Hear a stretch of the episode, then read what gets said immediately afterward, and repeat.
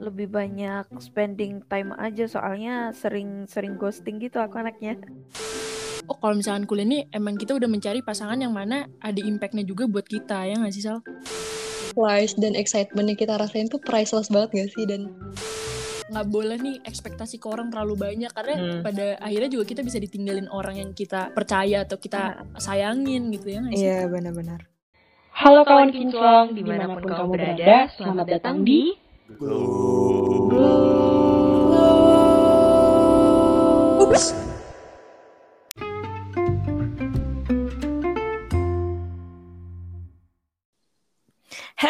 guys, kembali lagi di Glow Halo. Oops. Ini udah kedengar ya seperti biasa opening Glow Ups ada paduan suara dari suara kita yang agak false ini. Benar. nih Jen, hari ini bakal seru banget sih Jen. Gue yakin Mm-mm. 90% sobat kinclong nih pasti bakal relate banget sama obrolan kita hari ini. Emang kita kapan sih nggak pernah seru? Nah, Hmm. Tapi ngomong-ngomong nih, oke kita masuk ke skrip lagi. Jadi hari ini tuh bahasan yang bisa dibilang jarang banget nih kita bawain sal buat sobat kinclong. Nah Hmm. sebenarnya erat banget nih hubungannya topik hari ini dengan kita semua, apalagi buat anak-anak muda pendengar Glow Ups. Iya bener banget nih sobat kinclong. Hari ini nih Hmm. kita bakal ngomongin permasalahan paling klasik eh, tiap Uh-uh. generasi gitu Jen. Apa tuh? Spill dong. Tidak lain tidak bukan adalah menjalin hubungan dengan orang spesial alias pacaran. Geli banget ya tagline-nya. Cuman Iya. oke lah. nah, di topik kali ini kita mau ngobrol-ngobrol nih tentang perbedaan pacaran pas kita waktu SMA sama pacaran kita pas udah kuliah nih. Dan pastinya kita ditemenin lagi, cuman kali ini kita ngebawa orang kita Hmm. sendiri. Iya benar. Kita dan lagi. tentunya PD kita. Penasaran banget gak sih, Sal? Nah, karena Glow Ups tuh nggak sebatas hadir buat bantu ngembangin mental, skill, atau bangun karir aja, ya kan Jen? Setuju, gue setuju banget. Bahkan sampai urusan hati aja kita berdua nih ngebantu lo semua sobat kinclong. Bener, apalagi pandemi ini kan gak kelar-kelar nih. Biasanya tuh Mm-mm. pandemi ini tuh menghasilkan orang-orang kesepian kan, yang lagi ngebut banget pengen punya pacar buat nemenin selama pandemi, ya nggak sih? Iya. Nah, kombinasi podcasteran itu bakal benar-benar ngewakilin semua golongan sobat kinclong dari yang mungkin SMA yang masih kasmaran-kasmaran sampai yang udah kuliah yang pacaran serius. Ya nggak sih? Iya, siapa aja sih gestar kita hari ini? Oke, mungkin langsung aja gue panggil ada Mulmet dan PD kita bisa kenalin diri nih masing-masing. Yeay, halo Kiki, halo Nafisa. Eh, tepuk tangan dong semua. Tepuk tangan dong. Ini ntar ada backsound tepuk tangan ya, tolong. Iya. Oke. Mungkin bisa dari Kiki dulu nih kenalan. Halo semuanya, sobat kinclong. Kenalin aku Kiki eh, dari multimedianya Glow Up jurusan DKV angkatan 2020. Oke. Halo. Halo, salam kenal. Mewakili sobat kinclong. Oke. Lanjut. Oke, halo sobat kinclong. Ah, aku Nafisa sebagai PD-nya Glow Ups dari Arsitektur ITS angkatan 2019. Jadi pokoknya aku sebagai PD-nya Glow Ups. Yeay, salam kenal. Wedi. Nah, gimana nih kabar-kabar Mbak Nafisa dan Kiki? Kabarnya agak agak nervous sebenarnya, Jen Sal. Hmm, Oh gitu. nggak apa-apa wajar lah, ya kan? Sal, Iya, wajar Iya, dong. Kita aja sama. masih nervous ya? iya, nervous nih. Soalnya ada PD kita takut ntar tiba-tiba langsung di-cut aja. Iya, benar. Kiki gimana nih Ki kabarnya menyambut hari-hari di kafe yang baru penuh stres? Eh, enggak ya? Ya, ya enggak sih, enggak enggak sampai stres. Ya biasa aja. Malah ini excited karena Senin udah mulai kelas. Asik. Udah lama nggak kelas ya, Li? Kelamaan libur. Betul. Baru Iya, kali ini ada betul orang mau kelas excited cuy. Hmm. Iya. Nah, BTW banget nih Jen, nih kita udah lengkap Mm-mm. banget kan berdua dan perwakilan dari kaum-kaum LDR yaitu gue dan Sama lo juga gue. LDR gak sih? Oh iya. Iya. Dan juga Kiki yang baru putus ya gak sih Ki? Iya, ya belum dua bulan. Hmm. Sampai Nafisa yang belum ngerasain relationship sama sekali gitu. Paket lengkap banget gak sih hari ini tuh? Iya, ini bisa dibagi tiga tim lah ya. Iya benar. Oh ya tiga tim. Kita akan berdebat ya guys. Iya, kita akan berdebat nih. Siap, siap. Aduh. Oke, mungkin langsung aja kali ya. Kita tanya-tanya nih ke dua orang, dua orang yang sering banget Hmm. kita ketemuin di rapat. Iya setuju. Sebenarnya ini sih, kita langsung aja nih ke topik kita ya. Gue penasaran nih ke menurut lo berdua nih. Ntar juga Salsa boleh nih ngejelasin pengalamannya. Kalau menurut lo semua nih, perbedaan pacaran di SMA sama kuliah tuh apa tuh? Mungkin bisa di apa dijabarin kayak atau apa gitu yang ngerasa bikin beda. Oke, dari gue dulu kali ya. Boleh, boleh. Eh, sebenarnya apa ya perbedaan perbedaannya sih lebih ke ini ya Jen kayak euforianya terus juga Mm-mm. mungkin pas SMA tuh lebih kayak ke cinta monyet dan lebih childish aja gue ngerasanya gitu sih dari gue kalau kuliah tuh lebih kayak mm, mungkin di fase yang udah mulai pacaran dewasa tapi Mm-mm. gue juga masih nggak tahu sih sebenarnya pacaran gue dewasa apa enggak mungkin akan kita lihat nanti Oke, berarti lebih ke yang kayak cinta monyet sama yang udah fase dewasa gitu ya. Hmm, iya benar kalau kalian gimana guys Kalau misalkan kayak gini, Nafisa bisa jawab nggak sih? Soalnya kan dia belum pernah pacaran ya. oh ya Bisa dong. songong Jawab. banget songong Sih. Bisa dong, mungkin Nafisa pernah ini apa sih kayak yang tanpa status itu loh. Oh iya, HTS. komitmen. Ya, komitmen. HTS komitmen gitu. Ta'aruf.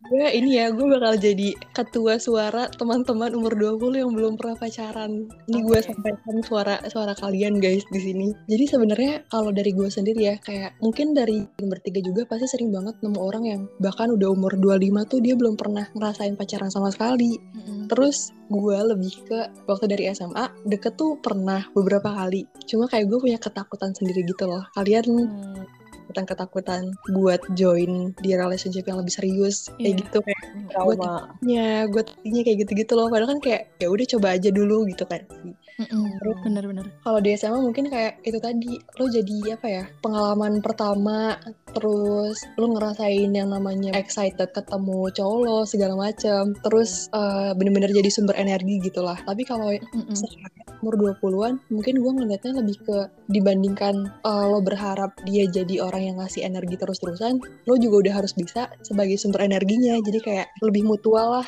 dan gak demanding dibandingkan waktu SMA gitu sih yang paling besar menurut gue perbedaannya Iya, iya. Iya, iya. Ngerti Paham, juga paham. ya si Nafisa ya kalau masalah beginian ya. Mungkin temennya sering curhat ke dia Iya. aja. Oh, Biasanya kan orang-orang iya. yang gitu tuh jadi tempat curhat nggak sih? Iya. Pengamat, pengamat. Kalau Iya. Kiki gimana Kiki? Kalau aku sih perbedaannya SMA sama kuliah tuh kalau dari SMA sendiri aku mungkin bisa bagi jadi dua apa ya dua bagian gitu. Jadi Yang ada yang pertama, Yang pertama itu waktu masih kelas 1 sama kelas 2. Kalau kita waktu itu tuh pasti kayak pacaran tuh kayak buat main-main gitu. Kayak Hmm. waktu nakal-nakalnya, terus nggak memperhatikan akademis dan yang lainnya, keteteran sebagainya.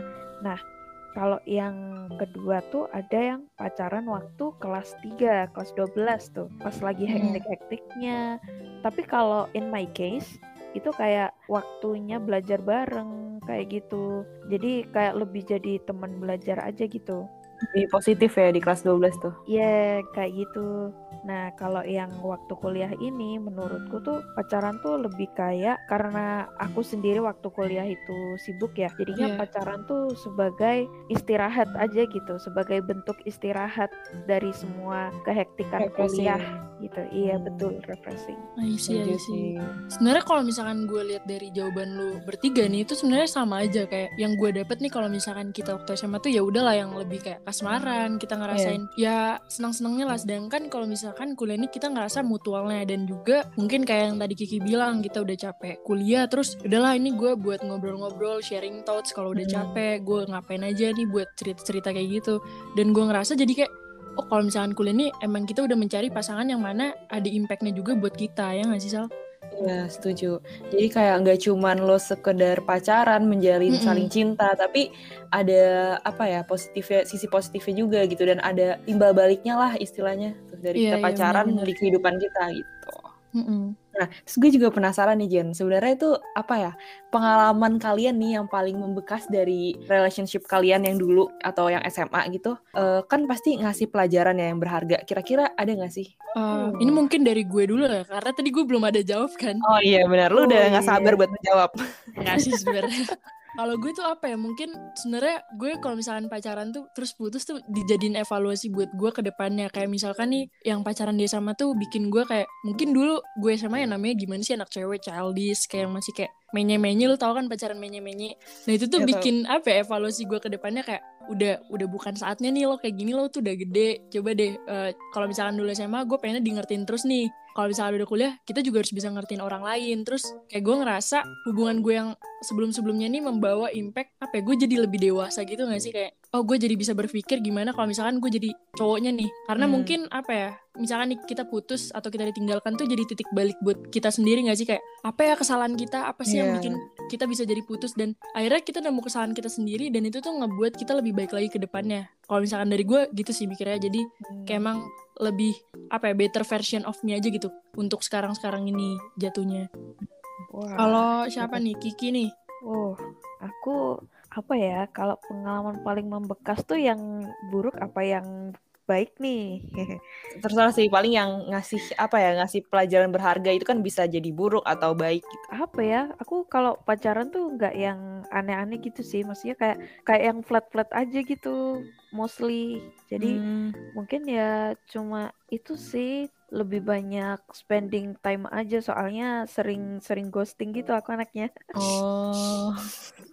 jahat banget tapi ke depannya mungkin lo jangan ghosting ghosting lagi ya Ki. Iya maaf kak. itu kayak yang ini gak sih yang lagu apa sih Promiscuous apa sih tulisannya Promiscuous. Girl. iya Promiscuous Girl Tapi kayaknya kalau yang Kiki ini bisa jadi strategi bi- ini juga gak sih biar kangen gitu, biar pasangannya Wih. kangen. Mm-mm. Tapi nggak gitu juga nggak sih? Jujur kayak banyak pengalaman orang yang di ghostingin tuh nggak balik lagi. Kayak kemarin yang pas sama si siapa Sace podcaster suara bayi, iya Sace. Dia di ghostingin ujung-ujungnya nggak balik lagi. Awalnya Iya. mah kangen-kangen tapi kayak tapi Tapi ada manfaatnya buat Sace juga gak sih dia tuh jadi apa ya Hmm. jadi pribadi yang lebih kuat gitu terus kayak yang, iya oh sih. kita nggak perlu nggak boleh nih ekspektasi ke orang terlalu banyak karena Hmm. pada akhirnya juga kita bisa ditinggalin orang yang kita percaya atau kita sayangin gitu ya nggak sih Iya benar-benar. kalau Nafisa gimana tadi kan Kiki lebih ke ghosting ya bro Aduh, gue ini ya, eh, gue tuh, eh walaupun gue belum pernah pacaran nih, tapi gue Hmm. nih observer guys. Gue tuh pengamat teman-teman gue. Mm. Oke. Jadi mungkin kalau dari yang gue ngeliat dari teman-teman gue sendiri, gue lebih ke ini sih. Mungkin waktu SMA, kayak kita pasti sampai sekarang juga sering nemu lah teman-teman SMA yang sampai sekarang kuliah, mereka masih bertahan udah 3 tahun, 4 tahun. Mm-mm. Terus dari teman-teman gue sendiri ini nih kayak dibandingkan yang emang dia bertahan gara-gara kualitasnya udah baik, tapi nggak sedikit juga yang bertahan gara-gara angkanya gitu. Eh, gara-gara udah ke bawah dari SMA, terus lu ngerasa sayang. Padahal kalau menurut gue sih harusnya jadi evaluasi. Ini lu mau bertahan gara-gara sayang atau lo emang punya kualitas yang baik gitu sih. Iya benar sih. ini deep banget cuy Langsung tertusuk ya. Jadi gue beneran sayang gak ya sama dia atau gue sayang gara-gara udah kelamaan gitu. Waduh, Iya waduh, tapi waduh. asal sobat kinclong tahu nih semua materi-materi market research tuh kalau yang berbobot tuh pasti selalu dari Nafisa nih. Iya benar Iya karena sih. kayak pengalaman dia udah banyak banget gak sih walaupun dia nggak pernah relationship kan Iya, dibanding gue dan Jen gitu. kayak dia tuh yang udah apa ya? Kayak udah yang pacaran serius tapi bertahun-tahun lu paham gak sih? Tapi gue nggak percaya sih Nafisa belum pernah ada relationship kayak nggak mungkin gak sih Naf? Tapi Pasti, pasti lo pernah gak sih? Iya pernah ada ya walaupun ada yang PDKT-in tapi lo nya nolak atau apa Iya. masa nggak pernah setitik pun kecil gitu. lah. Iya. Waduh, waduh. Kayak gue tuh cenderung, gue tuh cenderung jadi orang yang kabur pas udah eh, lebih serius. gitu. Oh. Bisa jadi pelajaran nih. Berarti orang-orang kayak gini ngeselin juga nih. Nah, kayak kenapa gitu kabur? sih kayak gue tuh aduh nih ya kayak gue paling kagum sama orang-orang yang waktu SMA dia udah kayak dia pacaran emang karena dia adventurous itu loh dia Mm-mm. pengen banyak mencoba dan kayak dengan lu banyak mencoba kan lu jadi lebih tahu ya lu suka yang kayak Iya. gimana apa yang lo nggak suka gitu kan Heeh. terus gue tuh heran sama orang-orang kayak gini mereka pasti udah pernah hurt udah pernah tersakiti di masa lampaunya tapi mereka masih bisa mencoba membuka hati kayak gitu itu itu menurut gue kalau kejadiannya di gue kayak udah mustahil banget buat bu- apa buat gue buka hati soalnya gue udah udah sakit Hmm. gitu loh kayak Iya. gue nggak mau hal itu terjadi makanya gue paling kagum sama orang-orang wah dia udah A B C D di masa lalunya tapi sekarang masih bisa buka hati tuh kayak aduh gue kayak nggak bisa deh kayak gitu gitu Mungkin itu ini kali ya kayak apa sih? Dia itu masih dalam tahap mencari juga nap. Jadi kayak apa ya? Walaupun dia udah masa lalunya udah buruk, dia mencari lagi nih orang yang tepat untuk dia gitu sih yang gue tangkap. Tapi kalau Hmm. misalkan itu lu harus belajar dari gue sih kayaknya Nap. Tapi ntar di luar di luar podcast ya. oh Ah, sesi curhat kedua. Heeh. curhat off cam ya eh Nah, kan tadi kita udah bahas pengalaman nih pengalaman kayak misalkan apa sih yang bikin lo tuh jadi entah yang lebih baik atau lo belajarnya apa gitu nah kalau misalkan dari masih ngebahas pengalaman ya kalau misalkan dari lo semua tuh lebih banyak penyesalannya atau pelajarannya sebenarnya yang lo dapetin nih. Karena Kiki kan suka ghosting nih. iya Kiki Kiki? adventures gitu gak sih Gue lupa.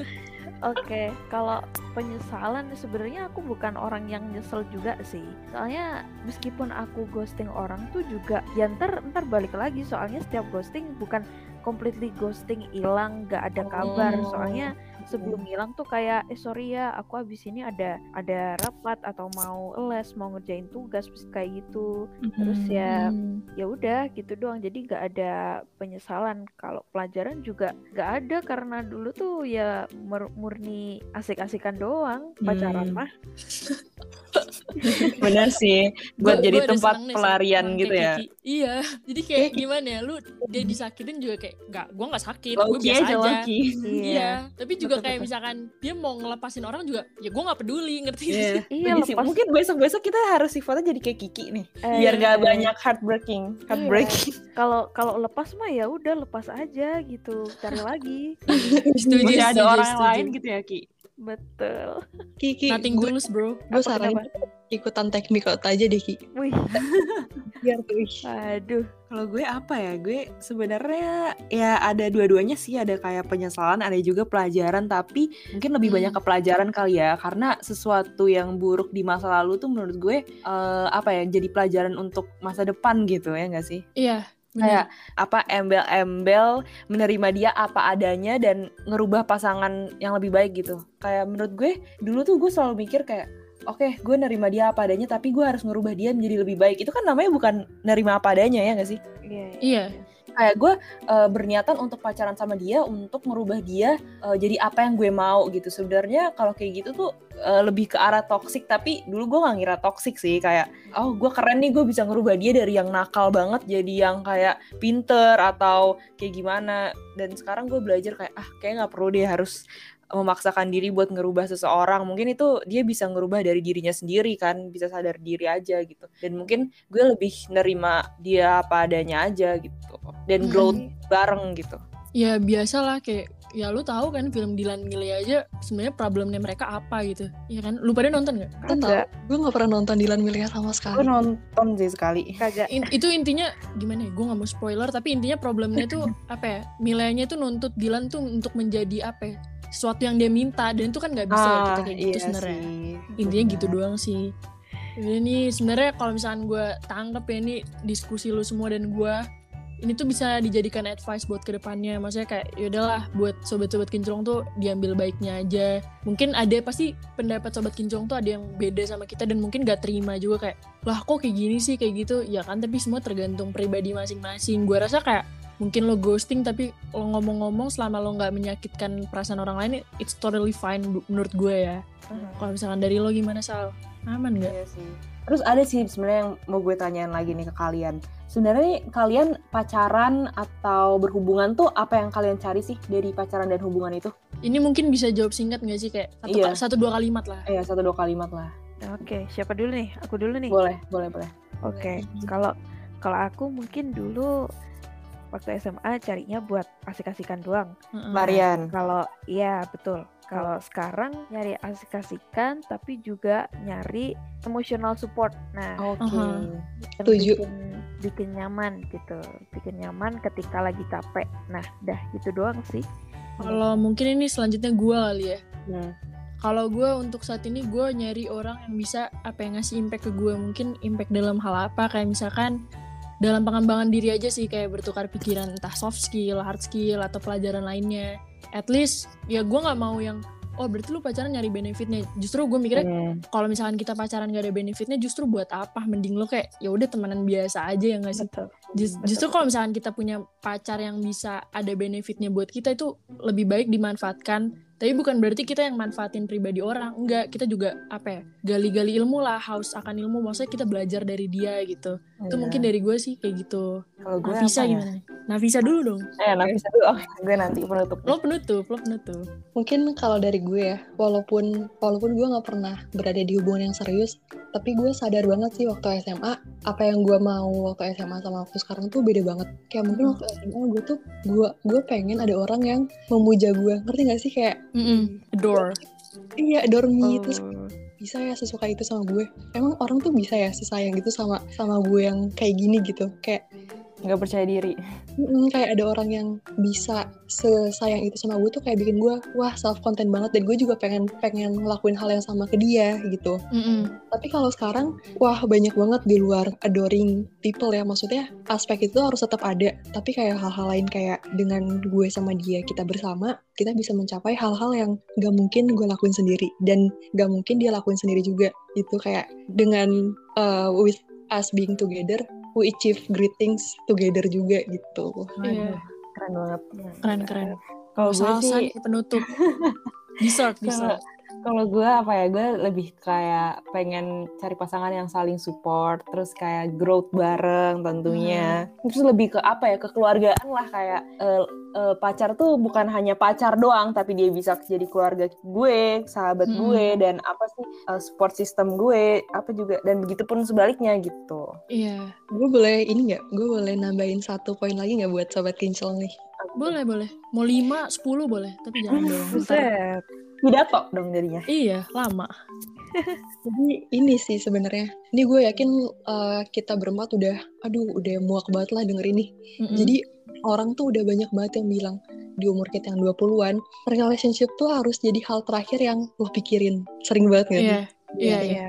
Pokoknya uh, lu harusnya di umur segini tuh fokusnya fokus karir, build karir, perluasin network, Mm-mm. perlu ABCD pokoknya hal-hal yang berhubungan sama masa depan dan jangan sampai uh, dalam proses lu mencari jati diri ini dalam proses lu mengembangkan dan fokus sama diri sendiri ini lu ke distract sama satu orang yang ntar bakal ngancurin segalanya kayak gue tuh setuju gue setuju di umur sekarang kita harus build karir terus perluasin network dan Mm-mm. segala macam tapi kalau misalkan dalam proses itu dalam proses kita ngedevelop diri kita sendiri kita ketemu seseorang dan lo ngelihat dia dia punya visi yang sama kayak lo Hmm. dia juga lagi ngembangin diri terus kalian to each other gitu loh menurut gue itu sama sekali bukan hal yang salah dan kayak jangan apa ya jangan dijadiin hal untuk yang apa menghindar dari dari itu gitu beda Mm-mm. lagi lo emang beneran mencari tapi kan kalau ini kasusnya lo bertemu dalam proses Iya.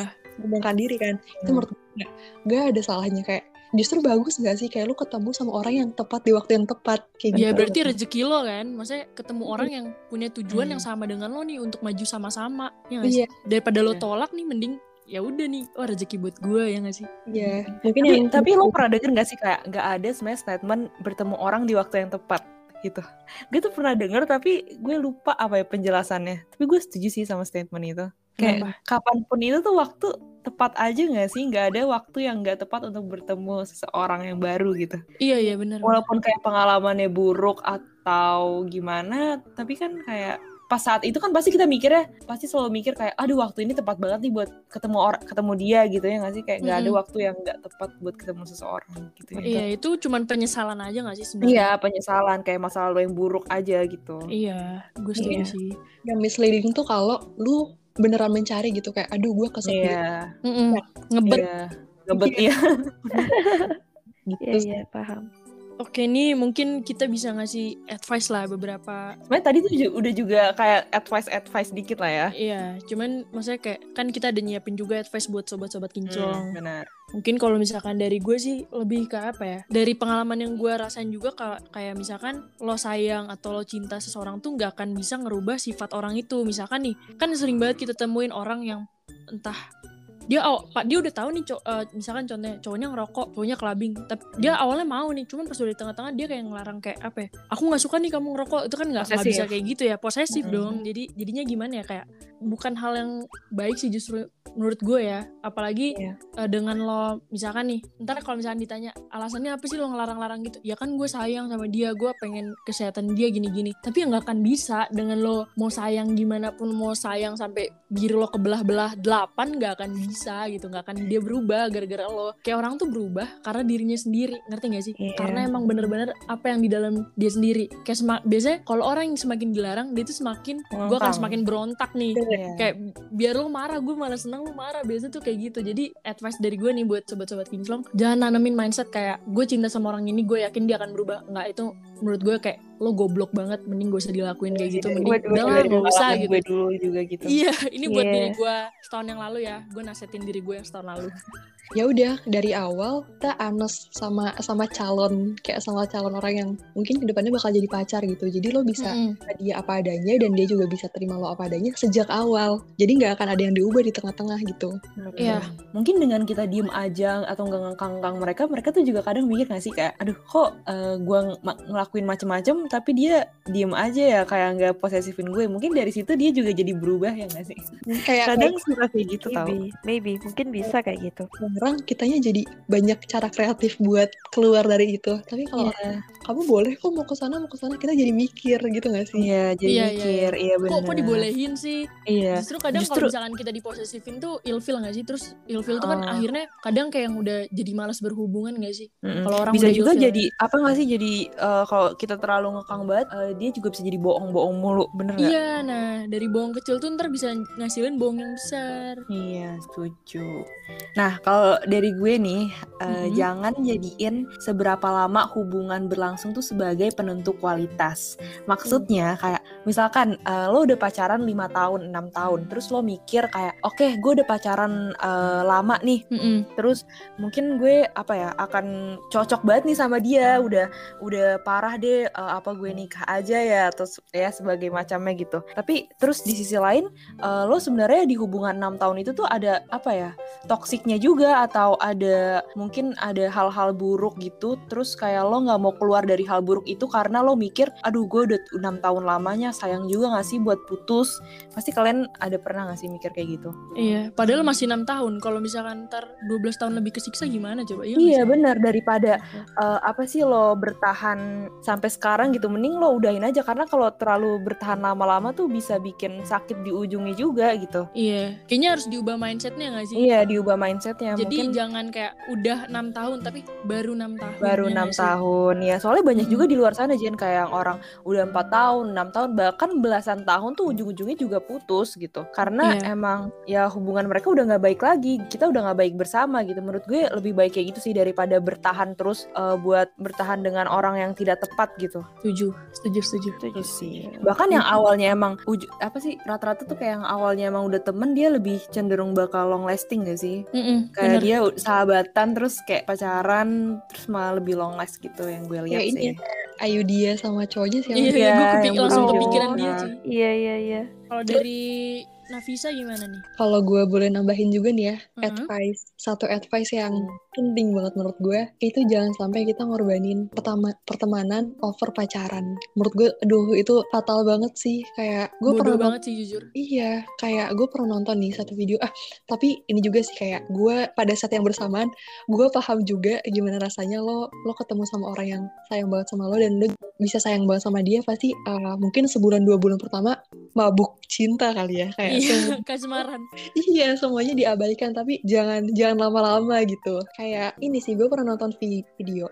Terus dia hidup kita itu kayak tangan. Terus di Mm-mm. dalam tangan itu kan ada lima jari ya. Jari yang pertama itu karir. Jari yang Mm-mm. kedua itu keluarga. Yang ketiga temen. Yang keempat hobi. Yang kelima relationship. Terus kalau misalkan kita topang tangan kita pakai lima jari di atas meja misalkan hubungan nih. Terus kayak kita mulai apa? Mulai mengabaikan keluarga, hilang tuh satu jari, satu jari penopang. Terus kita mulai mengabaikan teman, yang nopang tinggal tiga. Terus kita mengabaikan hobi kita, tinggal dua. Terus kita mengabaikan, apa ya tadi belum disebut, karir, karir kita. Jadi tangan lo tuh sekarang yang nopang cuma relationship-nya doang. Nah, kalau misalkan relationship-nya hancur juga, terus tangan lo topangannya nggak ada sama sekali, itu lo mau kembali ke mana gitu? Temen lo udah abain, Jatuh. keluarga udah diabain juga karir udah ke mana gitu sih jadi semua ada ada porsinya masing-masing masing-masing lah. Nomor Mm-mm. gue. Kiki gimana nih?